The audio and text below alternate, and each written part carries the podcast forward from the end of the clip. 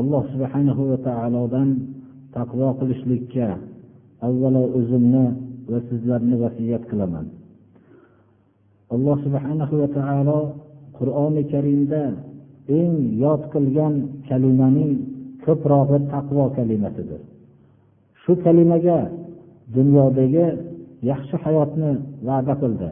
Shu kalimaga oxiratdagi saodat saodatlik hayotni alloh subhana va taolo va'da qildi. Va qur'oni karimning hidoyatini ham shu kalimani o'ziga tadbiq qilgan kishilarga va'da qildi. Qur'on faqat ollohdan qo'rqqan ya'ni taqvo qilgan kishilargagina xos hidoyat dedi demak insonda bir taqvo sifati topilmasa unga qur'on avvalidan oxirigacha nechi bor o'qib chiqsa unga manfaat bermaydi. Unga hidoyat jamolini ko'rsatmaydi. Qur'onning hidoyat jamolidan mahrum bo'lib o'qiveradi dunyodagi saodat unga nasib bo'lmaydi. U o'zi aytib yurgan o'zi saodat deb yurgan narsa puch narsadir. Biz saodat deganda o'zimizni ra'yimiz bilan bir saodatni tushunib qolmasligimiz kerak. Rasululloh sollallohu alayhi vasallam ashoblarni haqiqiy saodat nima ekanligi bilan tarbiyalardilar. Ba'zi vaqtlarda inson hayotning ko'rinib bizga ko'rinib turgan ne'matlardan mahrum bo'lib yashab turib ham saodatli bo'lishligi mumkin. Mana bu ma'noni bildirib payg'ambarimiz sollallohu alayhi vasallam aytdilarki o'tgan ummatlardan hikoya qiladilar o'tgan ummatlarda bir ayol kishining farzandini ko'tarib turgan vaqtda farzandi gapirgan kishi go'daylik vaqtida gapirganlar to'rtta deb hisoblanadi. Biz mana shuni o'ziga to'xtalib o'tamiz. Farzandini ko'tarib turgan vaqtda bir kishini nihoyat darajada bir azoblab kushallab olib o'tishdi. Shunda har bir ota ona o'zining farzandini baxt saodatli bo'lishligini orzu qiladi. Shunga binoan u ayol ham xudoyo meni farzandimni shunday xorizor qilib qo'ymagin deb iltijo qilib turganda farzanddan ovoz chiqdiki go'dak farzanddan xudoyo meni shunday baxt saodatli farzand odam qilgin dedi. Qo'rqib ketdida shu soatda imom buxoriy rivoyat qiladilar buni. Boshqa bir ma'lum bir vaqtdan keyin juda bir saltanatli qaddi qomatlari kelishgan markab mingan shu bir odam o'tgan vaqtida hammamiz ham ko'rinishda saltanatli bo'lib turgan odamni ko'rsak meni farzandim ham shunday bo'lsa deb orzu qilamiz. Uning ichi puchligini hech ham o'ylamaymiz. Shunda meni farzandimni shunday baxt saodatli qilgin shu odamga o'xshagan degan vaqtda xudoyo meni shu shu odamga o'xshagan badbaxt qilmagin degan ovoz chiqdi. Shu vaqtning payg'ambari xabar berdiki dedilar rasululloh sollallohu alayhi vasallam avvalgisi ollohga iymon keltirganligi uchun azob chekib ketyotgandi keyingisi mushrik edi birodarlar. Hozirgi vaqtda ham odam mushrikmi kofirmi zindiqmi kim bo'lishligidan qat'iy nazar dunyodor bo'lsa e'tiborli odam bo'lib qoldi. Ammo haqiqiy dinga amal qilib dinini mahkam ushlagan odamning e'tibori bo'lmay qoldi birodarlar. Biz saodat taqvo deganda mana bu narsani biz yaxshi tushunib qo'ymoqligimiz kerak. Alloh subhana va taolo o'zi aytgan saodat bu dunyodan hech narsasiz bo'lib o'tishlik degani emas birodarlar alloh subhana va taolo من آمن وعمل صالحا فلنحيينه حياة طيبة kim iymon keltirib amali solih qilsa pokiza hayot bilan hayot kechirtiramiz deb va'da qilyapti bundan siz tushunib qolmangki demak islomda yursak dunyodan ham hech narsasiz bo'lib o'tmoqligimiz kerak ekanda deb yo'q haqiqiy o'lchovni bilmoqligimiz kerakki saodat degan narsaning nima ekanligini biz ma'nosini tushuntirmoqchimiz. Ko'rinishda juda ham biz saodatli degan odamlar borki ular badbaxt odamlar. Shunday biz saodatsiz buni baxti yo'q dunyodan hech bir narsasiz bo'lib o'tyapti degan odamlarimiz borki ollohni huzurida baxtli insonlar ular. Biz haqiqiy o'lchov bilan odamlarni va o'zimizni ham o'lchamoqligimiz kerak. Mana bu taqvo sifati bilangina alloh subhanahu va taolo insonni baxt saodatli qiladi. Ya'ni bizni hisobimizda dunyodagi obro' yo boshqa dunyodor bo'lishlikda turmaslik kerak. Ollohni huzuridagi obro' va mukarramlik ko'z oldimizda turmoqligi kerakki u narsa bo'lishligi mumkin. Biz o'ylamagan narsalar bilan.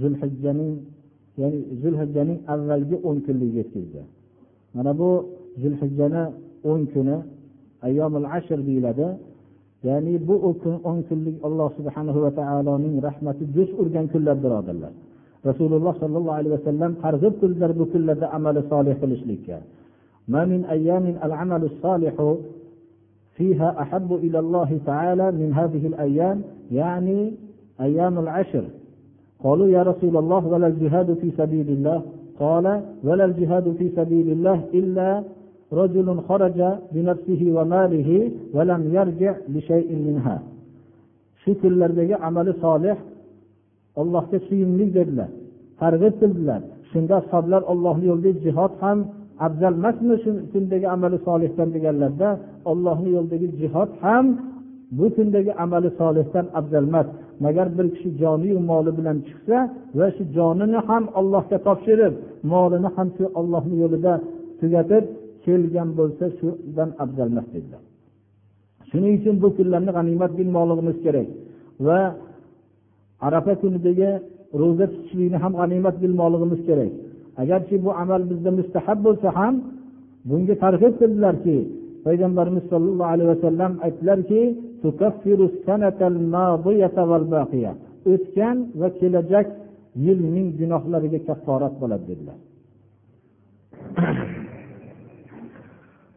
alloh subhanahu va taolo bugungi ayit qurbon kunini hammalariga muboraklik qilsin alloh subhanahu va taolo nuqsonlar bilan o'qigan ibodatimizni alloh taolo qabul qilsin alloh subhanahu va taolo bugungi kunni gunohlarimizga kafforat bo'lgan kun qilsin. Hajga borib kelgan hajga ketgan kishilarni hajji mabrur qilib qaytib kelishligini alloh subhanahu va taolo nasib qilsin. Juma kunidagi darsimiz sura arofdan davom etyapti.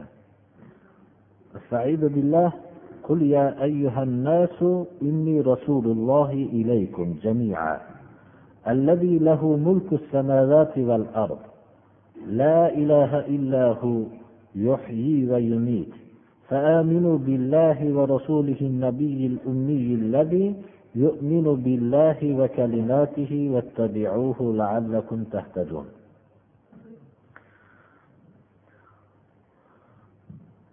Alloh subhana va taolo bashariyat tarixidagi jo'natgan payg'ambarlarni ma'lum bir davrga ya'ni hayot muddatida payg'ambar qilib jo'natdi va ba'zilarini cheklangan makonlarga payg'ambar qilib jo'natdi. Ba'zi davrlarda bir necha payg'ambarlar ham bo'ldi. Ular o'zlari har birlari o'zlariga xos bir makonlarga cheklangan. Ibrohim alayhissalom payg'ambar bo'lgan davrda lut alayhissalom ham payg'ambar edilar.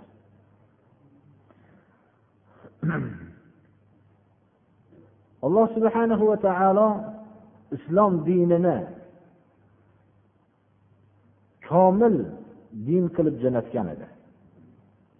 Lekin bashariyat ijtimoiy bir go'daklik bosqichida edi mana bu bosqichga muvofiq shariatni jo'natgan edi. Rasululloh sollallohu alayhi vasallamning davrlarida bashariyat ijtimoiy go'daklik bosqichidan kamolot bosqichiga yetgan edi. Shuning uchun ham muhammad alayhissalom olib kelgan shariat komil shariat bo'ldi. Va bu komil shariat rasululloh sollallohu alayhi vasallam tamomiy bashariyatga arab ajam hamma bashariyatga va hamda hayotlari muddatida va hamda hayotlaridan keyingi davr olloh yerga o'zi voris bo'lguncha ya'ni qiyomat kunigacha payg'ambar qilib jo'natilgan edilar. Mana bu risolatni umumiyligi va qiyomatgacha davomiyligini alloh subhanahu va taolo rasululloh sollallohu alayhi vasallamga e'lon qilishlikka buyurdiki odamlar tushunib qolishmasinlarki muhammad alayhissalomning risolati cheklangan davr yoki cheklangan makonga xosdir deb tushunishib qolmasin.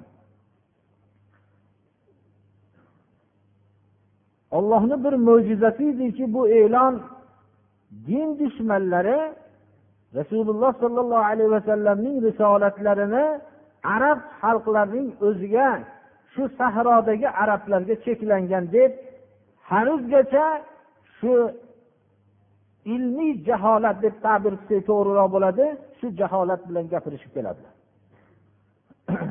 mana bu oyat shunga bir radki ayting ey muhammad alayhissalom ya ayyuhannas deb xitob qiling. Ey odamlar men sizlarning hammanglarga ollohning elchisiman deb e'lon qiling deyapti.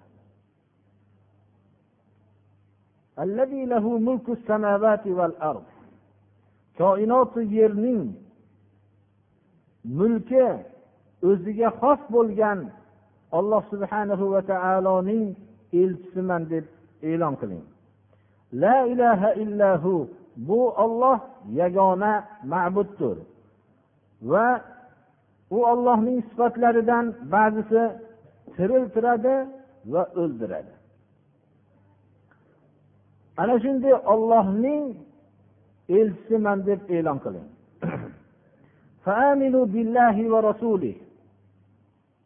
Ollohga ollohning rasuli hamda nabiysi hamda sifatining sifatlarning bittasi ummiy ya'ni xat yozishlikni bilmaydi. Mana bu rasulga ergashinglar. Rasulki ollohga va ollohning kalimotlariga iymon keltiradi. Mana bu payg'ambarga ergashinglar deb alloh subhana va taolo buyurdi. Payg'ambarimiz sollallohu alayhi vasallamning sifatlaridan bittasi ummiy sifat edi. Ummiy xat yozishlikni bilmaydigan kishini ummiy deydi. Rasululloh sollallohu alayhi vasallam xat yozishni bilmasdilar. Har bir insonga xat yozishni bilmaslik nuqson bo'lsa rasululloh sollallohu alayhi vasallamga mo'jiza edi. Alloh subhanahu va taolo o'zining hujjatini quvvatli qilishlik uchun o'zining rasuli hamma payg'ambarlarning sayyidi bo'lgan muhammad alayhissalomga xat yozishlikni bildirmadi. Xat yozishni bilmagan kishining muborak og'izlaridan qur'oni karim vahiysi tilovat qilinganligini eshitgandan keyin odamlar bilishdilarki hech bir madrasani o'qimagan biror bir kishida ta'lim olmagan hattoki xat yozishlikni bilmagan bu kishidan shunday bir mo'jizaviy fasohat balog'atda misli ko'rilmagan bir mo'jizaviy kalomni sodir bo'lishligidan bu kalom alloh subhana va taolo tarafidan ekanligini bilishdi. Bu rasululloh sollallohu alayhi vasallamga xat yozishlikni bildirmaslik mo'jiza bo'lishlik bilan birga bashariyatga rahmat ham edi. Chunki bashariyat tezroq bir mo'jizani bilib olishligiga yana ham yaqindan yordam berardi. Tarix siyra kitoblarini o'qilgan o'qigan kishilar payg'ambarimiz sollallohu alayhi vasallamning xat yozishlikni bilmaganliklarini mana tarixdan bilishadi. Payg'ambarimiz sollallohu alayhi vasallam hudaybiya sulhida mushriklar bilan sulh tuzishlik vaqtida mushriklar sulhni ustiga ali ibn abi tolib kotiblik vazifasini bajarayotganlarida bu muhammad muhammad ibn abdulloh rasululloh bilan makka mushriklari o'rtasidagi kelishilingan sulh degan xatni yozdirishlikka buyurdilar ali ibn abi tolib buni imlo qildilar. Imlo qilganlaridan keyin makka mushriklari aytishdiki biz sizni rasululloh sollallohu alayhi vasallam ekanligingizni tan olganimizda siz bilan bu janjal qilib turmasdik dedi. Shu xatning ustidagi rasulullohni o'chiringlar dedi. Biz tan olmaymiz dedi makka mushriklari. Payg'ambarimiz sollallohu alayhi vasallamga alloh subhana va taolo vahiy qilgandiki nima sulh qilishsa siz qabul qiling dedi. U kishi ali ibn abi tolibni o'chirishlikka buyurdilar. U kishi aytdilarki men rasululloh kalimasini o'chirmayman dedilar. Men rasululloh ekanligingizga tan olaman dedilar. Shunda o'zlari ko'rsatishlikka buyurdilar ko'rsatildi o'zlari o'chirdilar. Mana bu voqea ham payg'ambarimiz sollallohu alayhi vasallam xat yozishlikni bilmaganlar. Bu takror aytamiz payg'ambarimiz sollallohu alayhi vasallamga mo'jiza edi. U kishi tilovat qilib berayotgan qur'on ollohning tarafidan vahiy ekanligidagi shak shubha yo'q ekanligini bilishlikka yana ham yaqindan yordam beradi.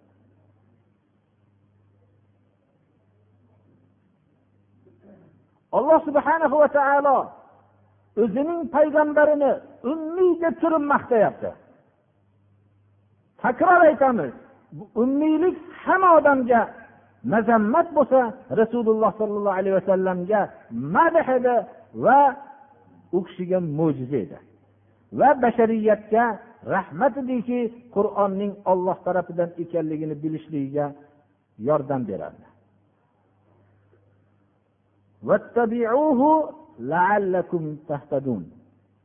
Qur'oni karim hidoyatni ollohga bo'lgan iymon rasuliga bo'lgan iymonning o'ziga cheklab qo'ymayapti balki ergashishlikka shart qilyapti. Ergashinglar shu rasul sollallohu alayhi vasallamga shundagina hidoyat topasizlar.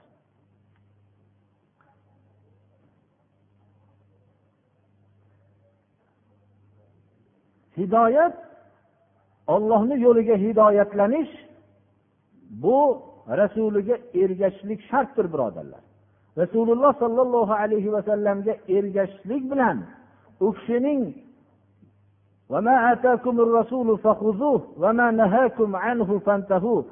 rasul sollallohu alayhi vasallam bergan narsani olinglar qaytargan narsasidan qaytinglar deb olloh buyurdi. Bu kishining tarafidan kelgan yo'lga ergashishlik bilan hidoyat topiladi.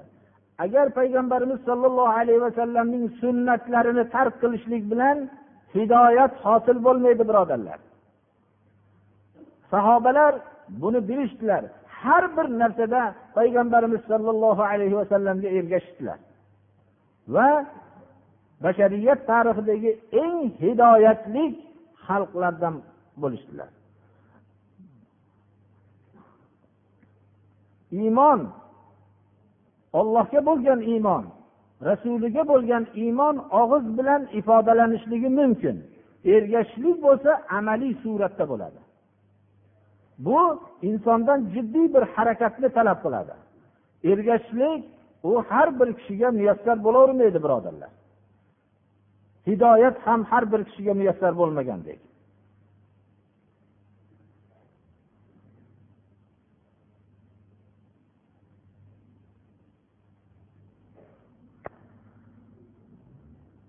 ومن قوم موسى أمة يهدون بالحق وبه يعدلون alloh subhanahu va taolo muso alayhissalomning haqidagi xabarlarni berayotgan o'rinda makka mushriklariga payg'ambarimiz sollallohu alayhi vasallamning tavrotda bayon qilinganligini u kishining sifatlarini tavrotda bildirilganligini bayon qilib ketyapti. Va shu o'zi mavzu bo'lgan muso alayhissalomning qavmi haqidagi mavzuga qur'oni karim oyatlari yana ko'chadi.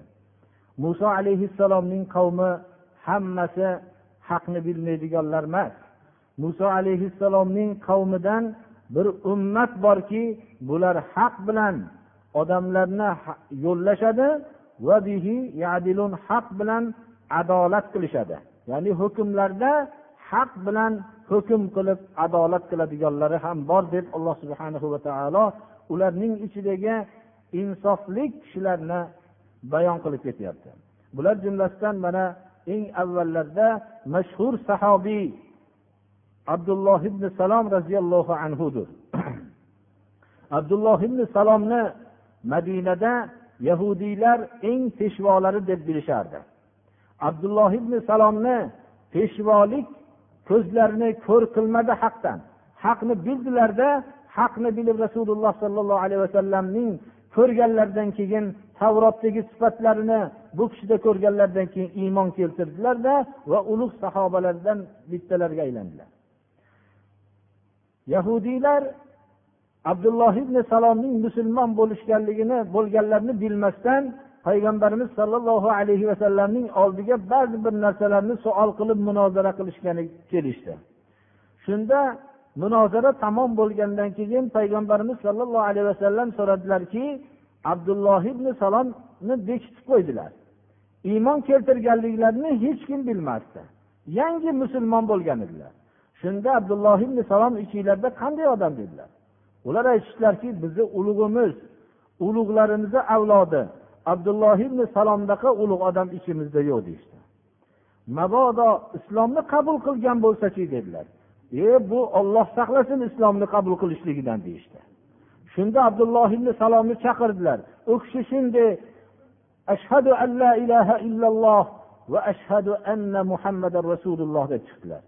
Shunda abdulloh ibn salom qanday odam deb ular shu vaqtda hasadlarni qalbidan chiqarishdida abdulloh ibn salom ichimizdagi eng yomon odam deyishdi. Ko'p kishilarning hozirgi vaqtdagi o'lchovlari ham shu. Bir odam yomon odam bo'ladi. O'zining havo o'lchovida yomon odam bo'ladida birdan siz bilan biror bir dunyoviy ishda chiqishib qolgan bo'lsa yoyinki siz bilan ozgina botil fikringizni ma'qullab qo'ygan bo'lsa shu vaqtdan ulug' odamga aylanaveradi.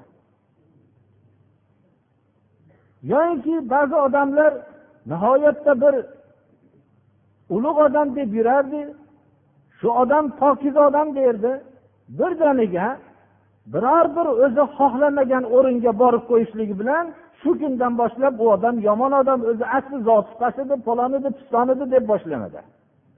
bu bir yahudiycha tasavvur qilish birodarlar bu qalbda mutlaqo insofdan xoli bo'lgan yahudlarning tasavvuridan boshqa tasavvur emas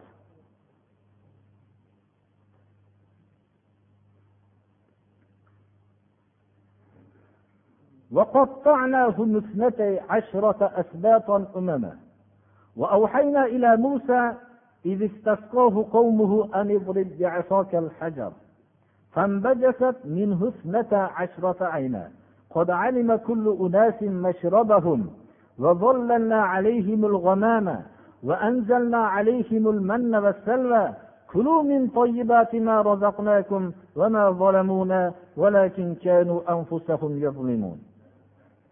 alloh subhanahu va taolo banu isroilga bergan ne'matlarni te'dod qilib mana bu oyatda bayon qilyapti. Banu isroil sahroda qolib ketganida qirq yil muddat. Alloh subhana va taoloning buyrug'ini qilmasliklari sababli. Alloh subhana va taolo buyrug'ini qilmagan sahroda qirq yil adashib qolgan banu isroildan rahmatini uzmadi. Mana bu ne'mat shuni bayoniki ularni o'n ikki katta ummatga jamoaga bo'ldik deydi. Va muso alayhissalomga vahiy qildikki xalqlar suv talab qilishganda sahroda eng katta ne'mat suv birodarlar. Suvni talab qilishganda aso bilan toshga uring dedi alloh taolo. Asolari bilan bir toshga urdilar. O'n ikkita chashma shu toshdan otilib chiqdida o'n ikki katta bir ummat jamoaga shu chashmaning suvi sahroda yetarli bo'lib boraverdi. Har bir jamoa o'zining suv ichadigan joyini adashmasdan tortishmasdan bemalol bilgan holatda suvni chiqarib berdi deydi alloh taolo. Bu oyatni tushunishlik uchun birodarlar mana bu joyda biror bir narsa taqsim qilib berilyapti. Bu mahalla bu yerga borsin u mahalla bu yerga borsin deb har qancha tushuntirilsa ham bir birinikini shu oladigan narsa bo'lganda muhtoj bo'lgan bo'lgan narsa bo'lganda tortishish kuchayib ketadi. Har bir xalqlar o'zining oladigan joyini bilishlik alloh subhana va taoloning katta ne'matidir bu. Xususan sahroda tashnalik soatida alloh taolo shu jamoalarni o'n ikkita katta jamoani bir biri bilan tortishadigan qilib qo'ymadi. Ularning bemalol suv ichadigan joylarini aniq bilishib suvlarini bemalol pokiza chashmadan suv ichishdilar. U bir mo'jiza bo'ldiki asolari bilan bir toshni urdilarda shu toshdan mutlaqo ichida bir tomchi suv bo'lmaydigan toshdan suvni chiqarib berdi. Bu islomiy dunyoqarash bilan o'smagan kishilarga nahotki bir quruq toshdan bir o'n ikkita jamoa katta jamoaga yetadigan suvni chiqishligi mumkinmi deb o'ylab qolishlari mumkin. Lekin islomiy tasavvur bilan o'sgan odam bu narsani ollohning qudratiga uzoq deb bilmaydi.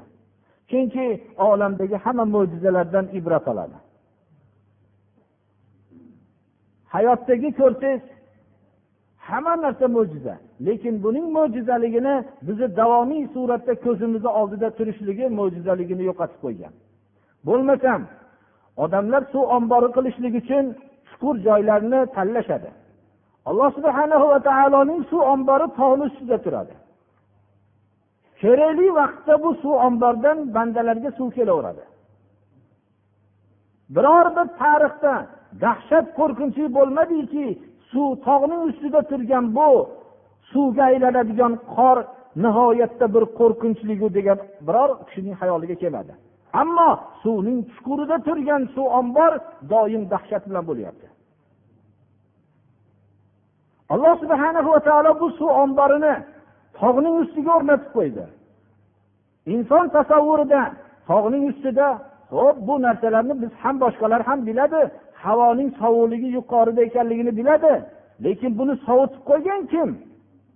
Nima uchun oftobga yaqinroq bo'lgan joy sovuq qilib saqlaydiyu pastga tushishligi bilan erishi tezlashadi? Ha u havoning tog'ni tepasida havo sovuq bo'ladi. Ho'p shu sovuq bo'lishligini kim qildi shu narsani? Mo'jiza har bir narsada mo'jizadir. Biz ko'p takror qilamiz. Mo'jizaga biz toqqa borishligimiz shart emas. Mo'jiza insonning og'zidan chiqayotgan so'z kuladigan bo'lgan vaqtda xalqlarning eshitib bundan ta'sirlanib kulishligi yig'laydigan so'zga yig'lashligi bu harflarning tashkil topilishligini tezligi va undan bir ma'lum bir mafhumlarning paydo bo'lib insonlarning qalbiga bu narsani ta'sir qilishligidan katta mo'jiza yo'q birodarlar. O'zi hayotda qani bir siz aytingki mo'jiza emas narsani topib bering. Mabodo mo'jiza emas narsani topmoqchi bo'lsangiz odam qilgan narsa mo'jiza emas. Lekin buning mo'jizasi mo'jizalik xususiyatini davomiy ko'z oldimizda turishligi bizdan mo'jizaligini esdan chiqarib qo'ygan. Xat yozishni bilmagan zotga alloh subhana va taolo qur'oni karimni nozil qildi. Ilm fanda misli yo'q bo'lgan. Hayot saodatini ko'rsatadigan manhajni bayon qilib berishlikda misli bo'lmagan. Mana bunday narsa ham mo'jiza edi. Shuning uchun ham bunday bayonlarni biz islomiy dunyoqarashga ega bo'lgan odam ajablanmaydi.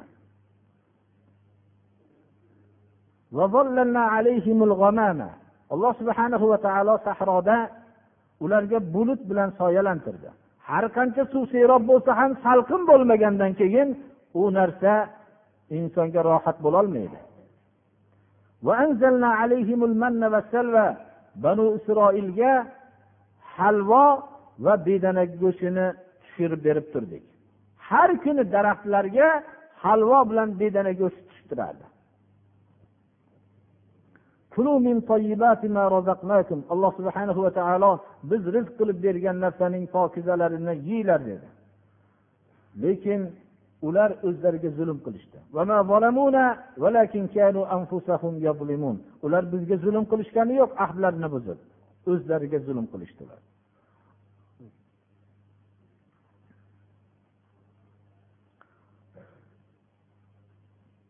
وإذ قيل لهم اسكنوا هذه القرية وكلوا منها حيث شئتم. وقولوا حطة وادخلوا الباب سجدا نغفر لكم خطيئاتكم سنزيد المحسنين. فبدل الذين ظلموا منهم قولا غير الذي قيل لهم فأرسلنا عليهم رزا من السماء بما كانوا يظلمون. بنو إسرائيل جاء bu shaharda to'xtanglar shu shaharda turinglar deb aytilgan soatni yodingizga oling ey muhammad alayhissalom. Alloh subhanahu va taolo baytul muqaddasda turishlikka buyurgan edi. Bu shahardan xohlagan o'rinlardan taom yeyglar deb olloh ularga marhamat qilgan edi. Aytinglar o'tgan xatoinglarga kafforatni ollohdan so'ranglar. Deydilar xudoyo bizlarni xatolarimizni ketkizgin deb duo qilinglar deb olloh buyurgan edi. Baytul muqaddasga darvozasiga egilgan holatinglarda allohga shukur qilib kirib kelinglar deb olloh buyurgan edi. Shunda sizlarning xatoinglarni mag'firat qilamiz dedi alloh taolo. Va ixlosmand kishilarga ko'p yaxshiliklarni ziyoda qilamiz. Kelajakda deb olloh va'da qildi. Ular nima qilishdi? Banu isroil tarixi doim nonko'rlik tarixi bilan to'ladi ularning o'zlariga zulm qilganlari xatolarimizni tushirgin degan so'zni o'rniga hintotun deyishdi bug'doy non deyishdi. Hintotun bug'doy ya'ni non deyishdi. Xatolarimizni tushiringlar xatolarimizni tushirgin deb duo qilinglar deyishdi o'rniga bizga non deyishdi. O'jarlik bilan. Alloh subhanahu va taolo ularga osmondan balo jo'natdi o'zlariga zulm qilganliklari sababli.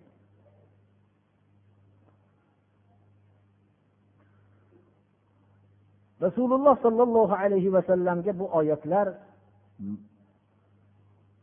makka va madinadagi xususan madinadagi ahli kitoblardan zulm tortayotgan vaqtda nozil bo'lgan edi. U kishi bu zulmlarni o'tgan davrlarda qilgan nonko'rliklari oldida ozgina ekanligini bilardilar. Bu oyatlar u kishiga tasalli bo'lardi. Alloh subhana va taolo banu isroil tarixidagi voqealarning bittasini ahli kitoblardan savol qilib so'rang deb o'zi bayon qilib beryapti. واسألهم عن القرية التي كانت حاضرة البحر إذ يعدون في السبت إذ تأتيهم حيتانهم يوم سبتهم شرعا ويوم لا يثبتون لا تأتيهم كذلك نبلوهم بما كانوا يفسقون banu isroil tarixida doim hozir aytib o'tganimizdek ollohni buyrug'iga qarama qarshi ish qilishlik bilan ularning tarixi to'ladi. Alloh subhanahu va taolodan mana bu oyat shunga dalolat qiladiki bular bir xolis ollohga ibodat qiladigan dunyo bilan mashg'ul bo'lmaydigan bir kunni talab qilishdi. Bu kunni alloh subhana va taolo berdi. Bu kunni shanba kuni qilib berdi. Shu kunda ularning talabi faqat oxirat uchun ish qiladigan bo'laylik. Dunyo ishi bizga harom bo'lsin shunday kunni o'zing tanlab bergin deb ollohdan so'rashdi. Alloh subhana va taolo ularning talabini berdi. Shanba kun bo'ldi. Bu talab qilgan kishilar dengiz sohilida yashashardi. Dengiz sohilida bilamizki ko'p odamning dunyoviy tiriklik ishi baliq ovi bilan bo'ladi. Alloh subhana va taolo ularni imtihon qildi. Shanba kunida baliqlar ularning hovuzlariga kirib ko'zlarini oldida yurardi. Bular o'zlarining talablariga binoan shanba kuni dunyo ish qilmasliklari kerak edi. Shanba kunining ertasiga alloh subhana va taolo mana bu baliqlarni hovuzdan chiqarib qo'ydi. Baliqlarni yaratgan zot qanaqa qilib kirgizib qanaqa qilib chiqarishligini o'zi biladi. Bu haqda yana takror aytamiz. Moddiy falsafada o'sgan kishilar qanday bu nom bermasa ham baliq kiradi deb tushunishadi. Chunki hayotning hammasini iqtisod nonga bog'lab tushungan. Alloh subhana va taolo ularni imtihon qildi. Shunday murakkab baliqni yaratgan zot qanaqa qilib unga ilhom berib kirishligini va kirgizish va chiqarishlikni yaxshi biladi. Bular shanba kunday baliqlarning kirganligini ko'rib hiyla yo'liga o'tishdi chidab turisholmadi hiyla yo'li shu bo'ldiki ular shu hovuzlarni oldini tutadigan to'rlar bilan to'sib qo'ydi hovuzdan qaytib daryoga chiqib ketolmaydigan qilib. Go'yoki ular shanba kuni baliqlarni ovlashmadi. Yakshanba kuni ertasiga ya'ni ular baliqlarni endi ovlashlikka ruxsat bo'ladigan o'zlarining dunyo topish kuni baliqlarni ovladi. Go'yoki shanba kuni dunyo ishi bilan shug'ullanmagandek bo'lishdi. Alloh subhana va taolodan talab qilgan narsani berish shuni yaxshi bilaylikki doim shuni mo'min kishi yaxshi bilmoqligi kerakki alloh subhana va taolodan bir narsani talab qilsa olloh bersa u ahdga vafo qilish shart bo'ladi. Vafo qilmagan ummatlarni tarixda halok qilgan alloh taolo. Qur'oni karimda islom ummatida shu vaqtda baloni kelishligini muhammad alayhissalomning barakoti bilan islom ummatidan ko'tardi. Lekin qur'oni karimda shu oyat shunga ishora bo'ladiki الله لئن آتانا من فضله لنصدقن ولنكونن من الصالحين. فلما آتاهم من فضله بخلوا به وتولوا وهم معرضون. فأعقبهم نفاقا في قلوبهم إلى يوم يلقونه بما أخلفوا الله ما وعدوه وبما كانوا يكذبون. ba'zi odamlar borki ollohga ahd qiladiki agar olloh menga shu fazlini bersa shu dunyodan bersa shu odamlarga men saxovat qanaqaligini ko'rsatib qo'yardim deydi. Odamlar dunyodorlar bu dunyoni bosib yotaveradi. Menga olloh shu fazli dunyosidan bersa din yo'liga sarf qilib saxovatlik qanday bo'lishligini o'rgatib qo'yardim deydi. Solih odamlarning jumlasidan bo'lardim deydi. Alloh subhana va taolo o'zining marhamati dunyosini bersa fazlini baxillik qilishadi. Va so'ragan odamlardan bosh tortib burilib ketishaveradi. Aniqroq qilib aytganda alloh subhana va taolo unga dunyo berganda baxillik qanaqa bo'lishligini o'rgatib qo'yadi odamlarga. Yer yuzida o'zidaqa baxil yo'qligini isbotlaydi. Alloh subhana va taolo undan dunyoni ehson qil deb talab qilmadi. Lekin qalbida ollohdan so'radi agar saxovatni men o'rgatib qo'yaman saxovatlik qilaman degan edi endi saxovatni bergandan keyin ahdga vafo qilishlik shart bo'ladi birodarlar.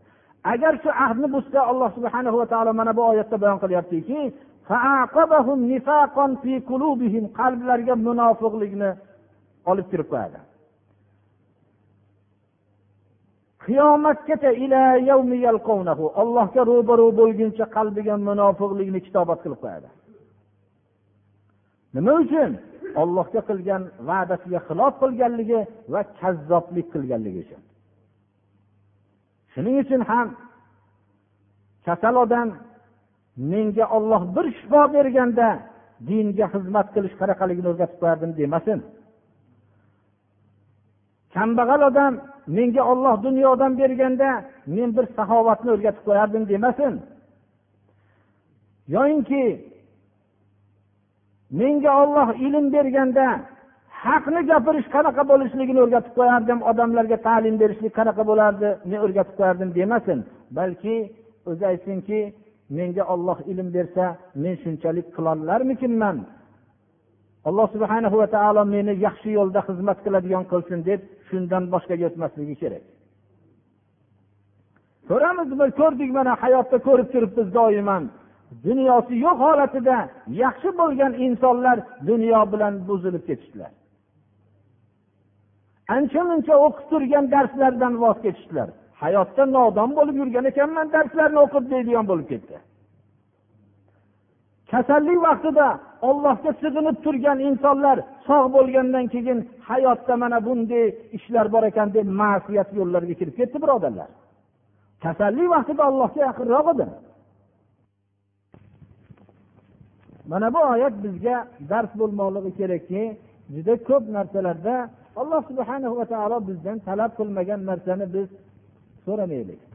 Shuning uchun ham umar ibn hattob aytar ekanlarki la'nat bo'lsin bir kishigaki so'rashligi sababli biror narsa harom bo'lib qolgan bo'lsa der ekanlar يا أيها الذين آمنوا لا تسألوا عن أشياء إن تبد لكم تسؤكم وإن تسألوا عنها حين ينزل القرآن تبد لكم عفى الله عنها والله غفور حليم iymon keltirgan kishilar har narsani so'ravermanglar rasululloh sollallohu alayhi vasallam odamlarning har xil savol qilishlarini xohlamasdilar ho'kiz shu savol bilan odamlarga ruxsat bo'lgan narsa man qilinib qolsa odamlarga qiyin bo'lib qoladi dedilar. Va man qildilarki ko'p savol berishlikdan ham man qildilar.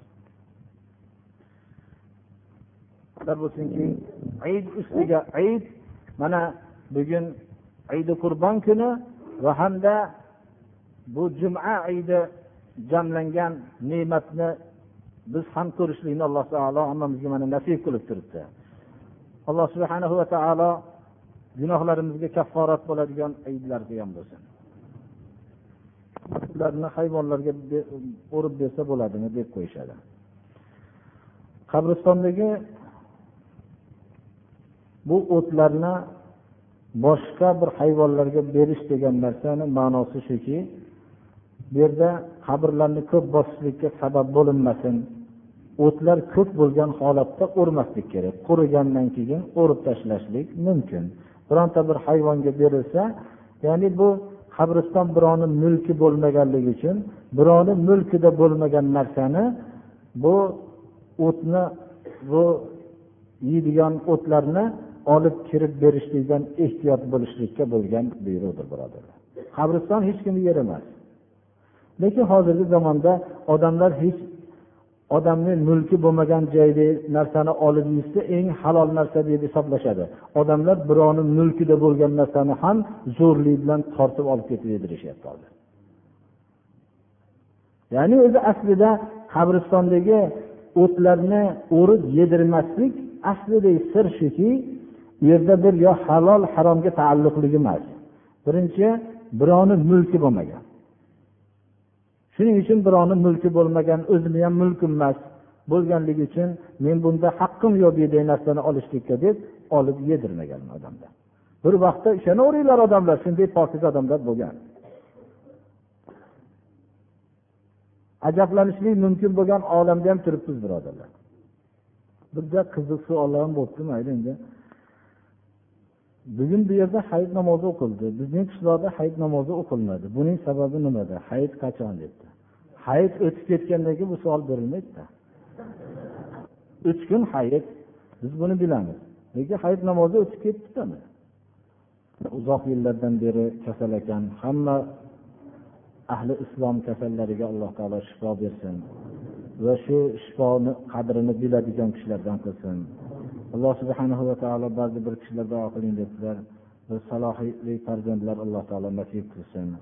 O'zini ham salohiyatga bir xizmat qiladigan salohiyat yo'lida xizmat qiladigan kishilardan qilsin alloh.